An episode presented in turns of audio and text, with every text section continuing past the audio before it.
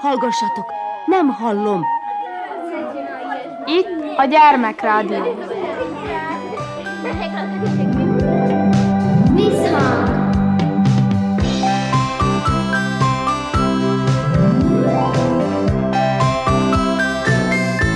Visszhang! Visszhang! Sziasztok! Krnács Erika vagyok, szeretettel üdvözöllek benneteket.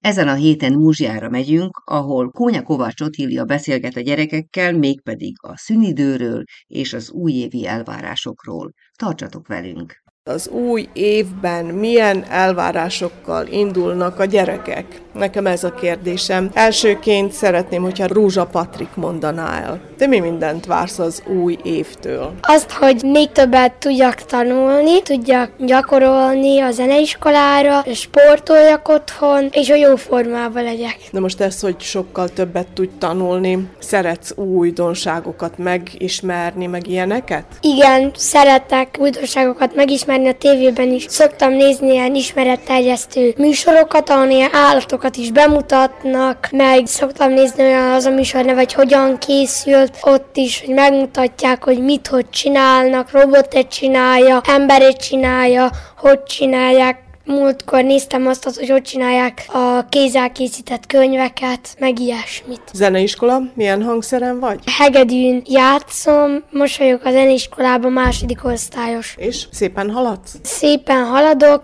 most kaptam fel a bizonyítványt a zeneiskolába is, az általános iskolába is kaptam a bizonyítványt. És mit mutatta a bizonyítvány? Mind a két helyen 5-0-0. Hó, hát akkor gratulálok, ez nagyon szuper. Dominik, mi az, amit te meg szeretnél valósítani így az új esztendőben? hogy többet bírjak sportolni, jó formában legyek, hogy legyennek már vége ennek a háborúnak, háborúknak. Ami téged illet? Hát azon kívül, hogy jó formában legyek, szeretnék még egy jó kicsit tanulni. Mi az, ami téged leginkább vonz így a tanulásban? Mi az, amit szeretnél, hogyha még jobban tökéletesítenél? Az olvasás egy picit, meg a matematika. Ezt lehetne még egy kicsit csiszolni szerinted. Igen. Jó, most ugye van erre alkalom, lehet sokat olvasni. Te szoktál sűrűn olvasni? Vannak otthon könyveim, szoktam olvasni, most van házi olvasmányom, ezt azt olvasom mostan egyenlőre. Mit is? A Zentai kőkecske, azt olvasom most. Ó, hát az egy nagyon jó könyv. Rózsa Richard, neked mi az, ami egy ilyen távolabbi cél, holott ugye most már itt vagyunk az új évben, milyen elvárásokkal indítsz te az új évben? Jó formában legyek, hogy legyenek már kockák a hasamon, a sok a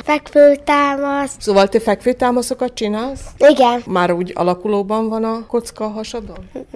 meg szoktam hasizmokat is, meg még régen Patiktak a tabletján gyakorlatokat csináltunk, és ezt várunk. A matematika az is jó, én azt is még gyakorolni fogom, meg az olvasást is. Mondta mamám, hogy gyakoroljak a téli szünidőben, hogy elfelejtsek írni, és Gondolod, hogy az lehetséges? hát igen, Patiktak az osztályában már elfelejtett írni, olvasni. De ha gyakorol az ember, akkor az mind oké. Igen. Szabó Anasztázia, te milyen évet vársz? Hát, hogy jókat sétáljak, és hogy mindig is legyek jó formában, meg hogy sose felejtsek el semmit. Hát ez egy nagyon fontos dolog. De ugye, hogy nagy valami dolgok történnek majd nálad, te esetedben, ami így a tanulmányaidat illeti. Én még óvodás vagyok, de már őszre iskolás elsős. Ezt akartam épp hallani, hogy akkor te azt nagyon várod, ez is egy ilyen nagy kitűzött cél, ugye, hogy ott minden jó legyen elsőben. Igen, én nagyon várom,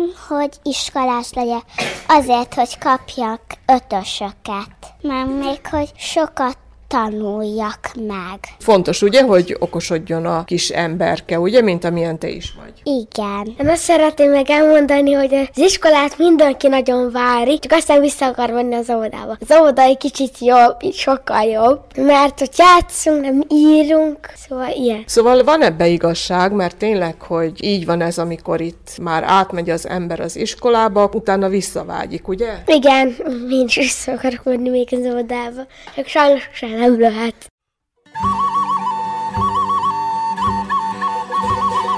Cinkék, cinegék, fekete rikó, megosztom veletek a félcikót, megosztom az én, olyan, amilyen éneken szerzett kenyerem.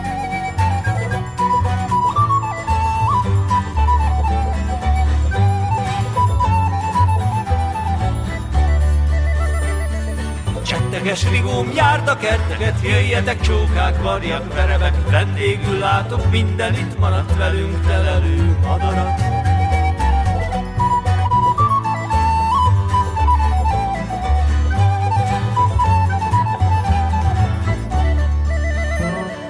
Terítve már patyolot abroszom, Terítve már patyolot abroszom, Kenyeremet elétek morzsolom, Kenyeremet elétek morzsolom. Nem várok érte, nem kell félnetek, Hordas télben újongó éneket,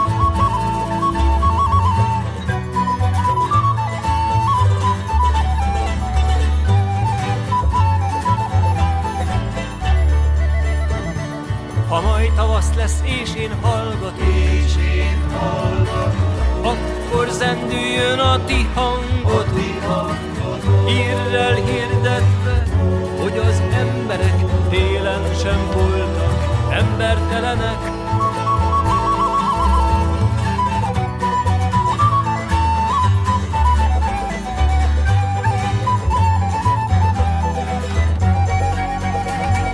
Cinkék, cinegék, fekete rikó, megosztom veletek a félcikót, megosztom az én, olyan, amilyen éneken szerzett kenyerem.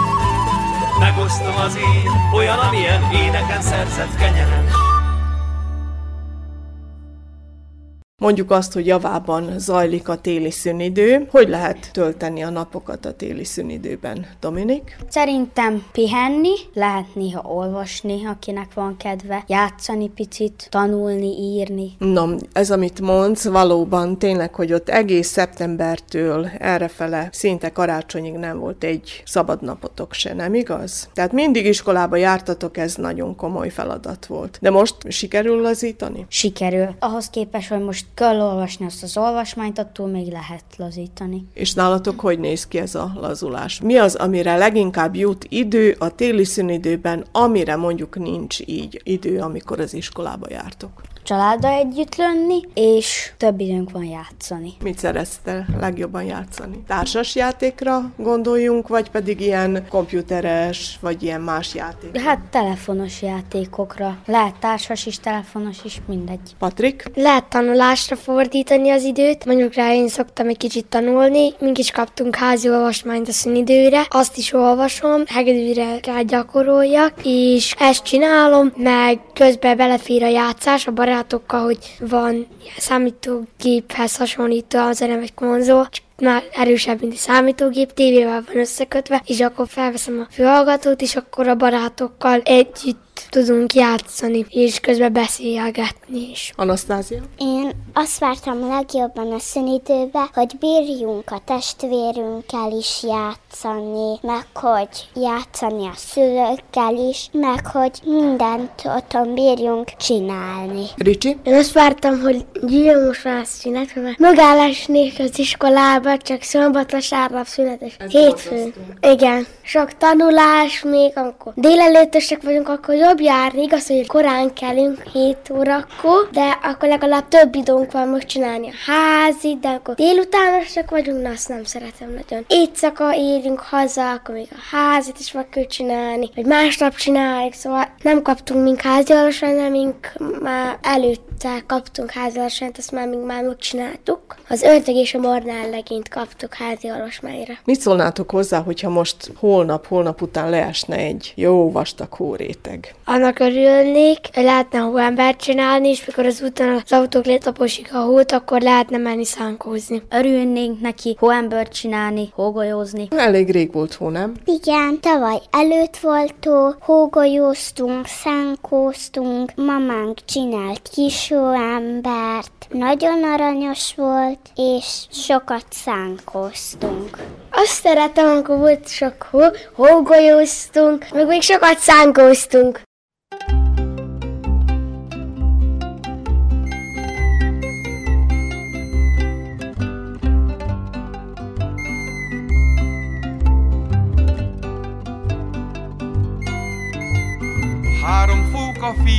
Fele burdi, nem akar a hóhullásban elaludni. Anyjuk egyre mondogatja, ő a medve, fehér bundáját a hóban rejtegetve.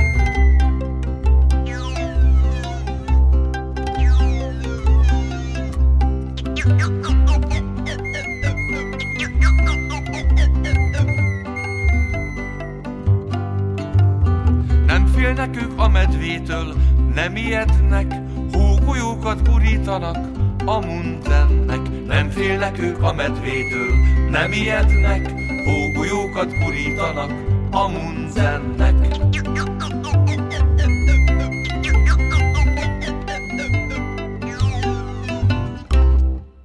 Az elmúlt percekben Kónya Kovács Otilliát és a múzsiai gyerekeket hallottátok. Most pedig egy mese következik, címe Kökölyszi és Bobolysza. A vékony hangú kökölyszi és a vastag hangú bobolysza sejemvitorlás, zászlós, lámpásos kis hajójukon a Szent Kristófon jelennek meg esténként, a történetbeli kisfiúnál, s viszik magukkal csodás kalandok felé. A törpék a kisgyerek megérkezését követően minden percét figyelemmel kísérték, és ahogy nyiladozik Andris értelme, úgy gazdagodnak az élmények is, amelyekben a törpék jóvoltából részesül. Török Sándor klasszikusát Csankó Zoltán előadásában hallgathatjátok meg.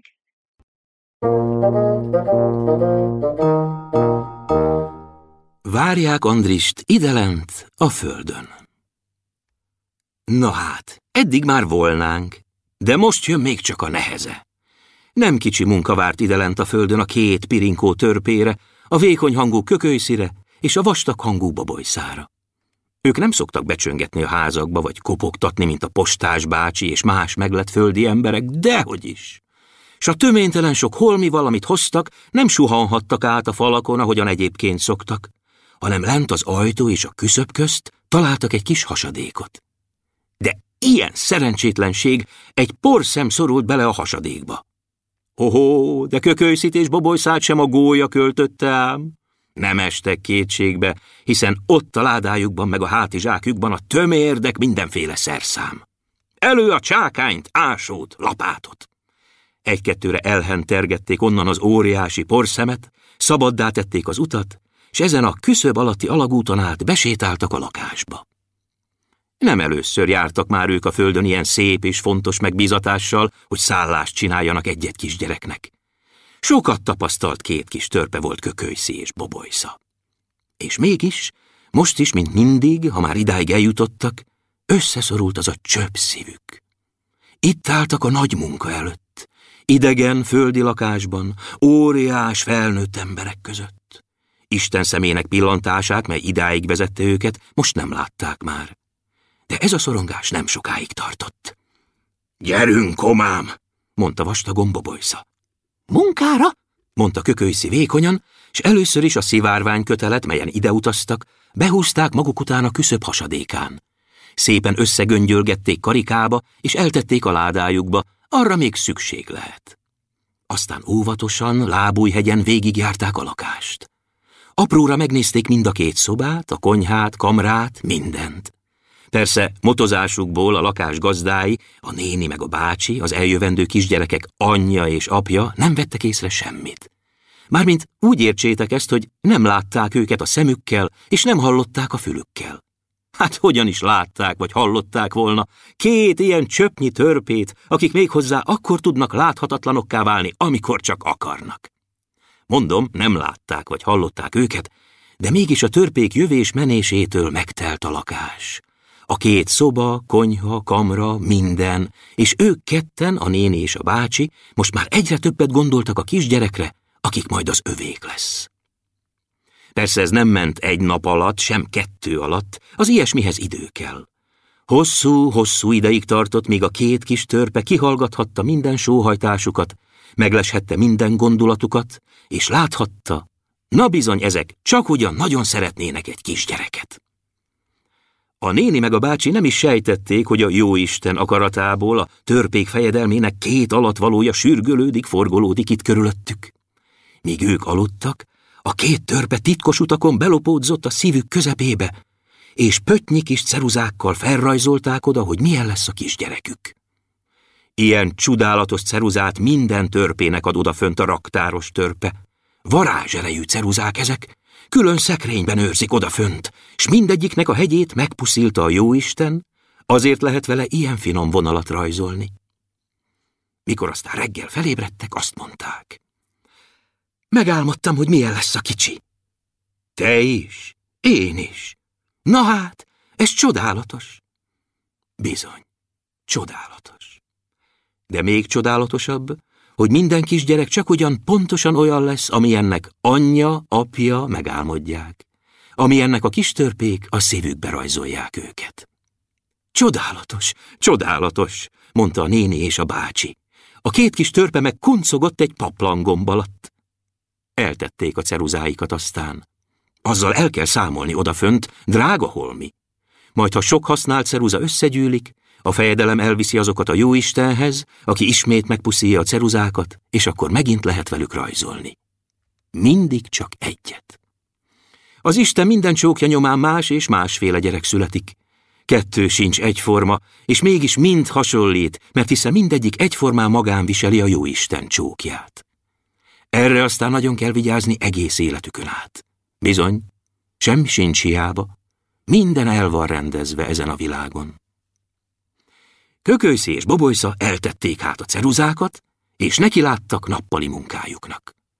Varázs hatalmuknál fogva bebújt például apja nyelve alá Bobojsza, és akkor apja egyszerre csak azt mondta, itt lesz a kis ágya, amoda meg egy fehér szekrényt csináltatok. Ám kökőszi se volt rest, ő meg anyja ajkára szállott, és akkor anyja mondta, holnap elkezdem hímezni a bölcső takaróját. Egyre többet beszéltek a kisgyerekről, aki majd lesz. Egyre, egyre többet, s így aztán, ha még nem volt is itt, még nem futkározott, sírt és nevetett a lakásban, de már megtelt vele a két szoba, a konyha, kamra, minden. Ezt mindig így csinálják a törpék. Azért van az, hogy mire a gyerek csak ugyan megjön, már olyan jó otthonos itt a földi lakásában. Hogyne, hiszen apja már ilyeneket is mondott. Azt pedig tudd meg már most, hogy ha rossz lesz, akkor a nyaka közé sózok. Nem, mondta anyja, megütni nem hagyom. Ebben nem hagyok belebeszélni, mondta apja. Ha a gyerek rossz, egy-két pofon nem árt. Én is megkaptam apámtól, így lett belőlem ember. Azt a gyerek megérzi, hogy szeretem, azért büntetem meg. De nem pofonnal. Így beszélgettek anyja és apja már jó előre, míg kökölyszi leugrott anyja ajakáról, Bobojsza is előmászott apja nyelve alól, megtörölközött, és neki láttak a többi dolognak. Ó, mert töménytelen sok dolguk volt éjjel-nappal, de szívesen csinálták a törpék ilyenek. Jóformán alig aludhattak egy-egy keveset, hiszen hoztak magukkal két összecsukható ágyacskát, sőt, hoztak egy óriási, majdnem babszemnyi sátrat is. Felkészültek minden viszontagságra. De a legtöbbször nem mentek be a sátorba, hanem hogy mindig kéznél legyenek, ha szükség volna rájuk, hát anyja fülében szundítottak egy-egy keveset, vagy apja kisújának körme alatt vetettek vackot maguknak. Előfordult, hogy anyja, ha történetesen a füliben aludtak, oda nyúlt a kisújával. Júj, de csiklik! Ugyanis bobolysza rugdalódzott álmában. Ha oda nyúlt, akkor felébredtek, jót nevettek és beljebb húzódtak. Melyik fülem csöng? kérdezte ilyenkor anyja. De előfordult az is, hogyha egy kis szabadidejük volt, aludtak egyet, ahol éppen voltak. A nyitott telefonkönyvben egy A betű hasában bújtak össze, mint a kis cicák, megölelték egymást és jót durmultak. De szívesen aludtak anyja varrókosarában is egy rengeteg karikacérna erdőben, vagy ha viharos idő volt, akkor valamelyik tű fokában kis úti párnájukat fejük alá szorítva. Hoztak magukkal persze edényt is, meg gyors főzőt, hiszen ők nem eszik az ember ételeit. Odafönt a mennyországban jóformán nem is kell enniük. Egy-egy friss harmadcsőbből úgy jól lakik az egész törpeség, hogy két felé áll a hasuk tőle. De idelent a nagy munkában enni kell nekik. Hoztak magukkal aszalt rigó füttyöt egy kis tarisznyában, meg pácolt nyúlnevetést, és levesbe való kockára vágott kolibrisóhajtást. Ezen éltek a törpék. Több, mint úgy ám. Hát, hogy folytassam, Telt múlt az idő, s kökőszi és bobolysza sorra kirakosgatták a ládájukból, meg hátizsákjukból az annyi és annyi ezer, meg millió nótát, mesét, mókát. Szépen belekopácsolták azokat a falakba, rávarrogatták a szőnyegekre, oda föstögették a mennyezetre, szóval mindenféleképpen kibélelték a lakást, hogy készen álljon, ha megjön a kicsi. Anyja és apja persze a nagy változásból így szemre, fűre nem vettek észre semmit. De az előfordult, hogy anyja babot szemelt a konyhában, járt a keze, egyszerre csak ölébe ejtette mind a kettőt, és elfelejtkezve minden másról dúdolni kezdett. Eszébe se jutott, honnan is jutott volna, hogy az ajakán a két kis törpe ül, s ők zümmögik elé neki a nótát, amit majd a kicsinek daloljon. Ez a két csibész meg úgy örült, hogy sikerült a turpisság, táncra kerekedett ott az ajakán. Akkor meg nevetnie kellett. Az is megtörtént, hogy apja egyszerre csak futott haza, kalap, kabát nélkül a hivatalból, ajtóstól esett be a házba, hogy jaj, ő meg ült a hivatalban, dolgozott, és egyszerre csak mintha gyereksírást hallott volna. Azt hittem, mondta, hogy már itt van a fiam. Jaj, mondta anyja, honnan tudod, hogy fiú lesz? Hát, ha kislány. Mert ez most került elő, így élő szóval először, hogy mi lesz, fiú vagy lány. Most aztán már napról napra ez volt a beszéd köztük, fiú-e vagy lány. A két törpe persze jól tudta, hogy mi lesz, mert nekik a fejedelem már a nevét is megsúgta, mikor elindultak. Új munka várt most rájuk, Tovább kellett, hogy adják anyjának és apjának, hogy mi a neve a kicsinek. Sok mindenféle nevet össze-vissza emlegettek, álmából is felriadt hol az egyik, hol a másik, hogy János, Pista, Anna, Julcsa, míg végül is a törpék noszogatására rájöttek, ha fiú lesz, Andris lesz, ha lány lesz, Panni lesz. De nem voltál minden csupa vidámság azért. Apja sokszor ült az asztalnál késő éjszakán is. A két törpe, pszt, lesték őt a lámpaernyő rojtjai közül. Ült és számolt, simogatta, dörzsölte a fejét, és megint számolt. Anyja aggódva hajolt oda, hogy mit is számol annyit. És suttogtak elborultan. Hogy bizony a kicsinek bölcső kell, meg ha beteg orvosság kell, aztán ruha, ez, az, nagy gond, nagy gond.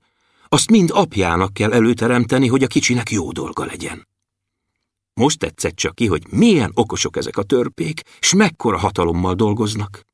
Egy ilyen estén, mikor apja, anyja először szomorodtak el a számokkal teleírt papírlapok fölött, amint lefeküdtek, nehezen jött álom a szemükre. Nosza, kökőszi és bobolysza rohantak a ládájukhoz, ott tartották a tanyájukat az előszoba szekrényben, apja egy régi kalapjának a szalagja alatt, és elővették a szivárványkötelet, amin ide leereszkedtek. A fejszémet, súgta Bobolysza. Adom, súgta Kökölyszi. Apró darabokra vagdalták a szivárványkötelet, ici-pici darabokra, öt-hat nyalábot marokra fogtak belőle, s apja anyja ágya körül elhintették. Ettől aztán elment minden gond a közelükből. Majd csak lesz valahogy, mondta apja, és anyja is azt mondta, ha megjön a gyerek, majd áld az Isten hozzávalót. És elaludtak. Mire a két törpe minden dolgát elvégezte, mire a sok mesét, nótát, mókát mind felkenték, fúrták, faragták a két szobára, konyhára, kamrára, mire a szivárványkötelet mind feldarabolták, már akkor apja és anyja szívszakadva várták a kicsit. Csak jönne már, minden pillanatban itt lehet. Mert tudjátok meg, hogy minden gyerek jóval előbb születik, mint sem a világra jönne. Előbb a kis törpék elintézik azt, hogy várják őket, vágyakozzanak utánuk. Mikor ezzel elkészültek Kökőszi és Bobolysza, akkor egy szép napon felszették a sátorfájukat, egyik sátorfa el is tört a nagy sietségben, úgy pótolták septiben egy fogpiszkálóból letörtek egy forgácsot, s úsgyi felkaptak a felfelé induló esti szellőre, és szerencsésen meg is érkeztek a törpék birodalmába. Kökölyszi és Bobolysza azon porosan rögtön a fejedelem elé rugattak, és elmondották, hogy mit végeztek. Elintéztünk mindent, fejezte be vastagon a jelentést Bobolysza. Minden készen van, mondta vékonyan Kökölyszi. Jó emberek? kérdezte a fejedelem. Megérdemlik, hogy gyerekük legyen? Ó, erősítették a törpék, úgy várják már, hogy majd elepednek. Na hát akkor mosdjatok meg, fésüljétek ki a szakállatokat, és gyertek velem a jó Isten elé. Így is történt. Itt ez volt a rend. A fejedelem maga is jól megmosakodott, beszállt a hintójába, Kökölyszi és Bobolysza nagy büszké melléje két oldalt, és egy szemrebbenésnyi idő múltán már ott állottak a jóisten előtt, aki a térdére ültette őket. Jóisten, mondta a fejedelem, a két kicsi szolga visszatért. Mindent előkészítettek, most már mehet a gyerek, nagyon várják odalent. Nagyon, mondta Kökölyszi vékonyan, de nagyon ám, erősítette Bobolysza vastagon. Jól van, kedveseim, mondta az Isten. Akkor hát legyen. És keze intésére fellebbent a felhőfüggöny a belső kertről, ahol a születendő gyermekek játszadoztak. Végignézett a sokaságon, és egyet odaintett, a tenyerére vette. Angyal volt ez a csöpp, mikor Isten intett neki, és hát ott, az Isten tenyerén elkezdett kisgyerek formája lenni. A törpefejedelem, s kökölyszi és bobolysza persze nem csodálkoztak ezen, hozzá voltak szokva. De nagy tisztelettel és áhítattal lesték azért, amint a jóisten megmelengette tenyerén a fiút, mert az volt, kisfiú, és alábocsátotta a földre. Eredj, súgta neki, eredj szépen, legyen ember belőled, és örökké emlékezzél reám, aki majd egyszer visszaveszlek. Össze piszkítsd magad, olyan tisztán gyere vissza, amilyen tisztán elengedtelek, hogy szívesen fogadhassalak. Most menj, mulass odalent, dolgozz, játszál, sírj, neves, legyél ember. A kicsi alászállott hát a földre, ahol már várták. A törpefejedelem meg a két legényke, kökölyszi és bobolysza, néztek, néztek utána, míg eltűnt odalent a többi ember között. Köszönöm, mondta nekik a jóisten. Derekasan dolgoztatok, most elmehettek. Ti ketten, fordult kökölyszihez és bobolyszához, ma éjszaka pihentek. A gyermeknek egyedül kell a földre megérkeznie. Bólogattak azok, ez régi szokás volt. Holnap azután utána mentek, és vele maradtok, amíg jónak látjátok. Tudjátok, mit kell tennetek. Tudjuk, mondta kökölyszi vékonyan. Tudjuk, mondta vastagon bobolysza. Elindultak a kis hintón hazafelé. Dolgukat jól végezték, közöttük mosolyogva ült a fejedelem, s olyan jó kedvük volt, egész úton énekeltek. Kökölyszi vékonyan, bobolysza vastagon. Andrist már várják, néha titokban, anyja szívében visszadobban. Súgva iramlik kettejük vére, egy öröm élő halk ütemére. Mint a rügyekben bent a virágok, kezdi keresni már a világot. Holnap kinyílik, holnap kipattan, megmossa arcát fénylő patakban. Kedves gyerekek, a Kökölyszi és Bobolysza című hangos könyvből hallottatok egy részletet. Köszöni a figyelmet a szerkesztő Krnács Erika. Sziasztok!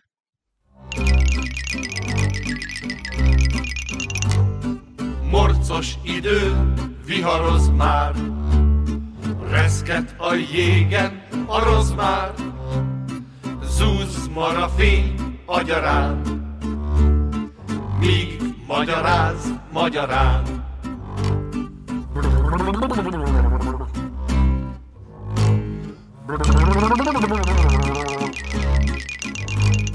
Morcos idő, viharoz már, Én vagyok itten a rozmár, Ülök az északi sarkon, Vízbe figyeg le a farkom.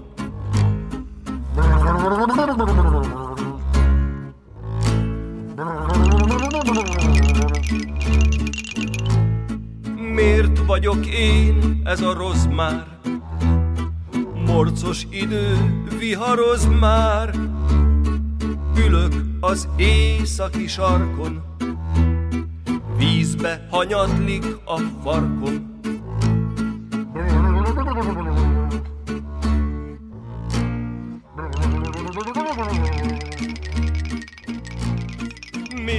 Vagyok épp ez a rozmár. Fázom az északi sarkon,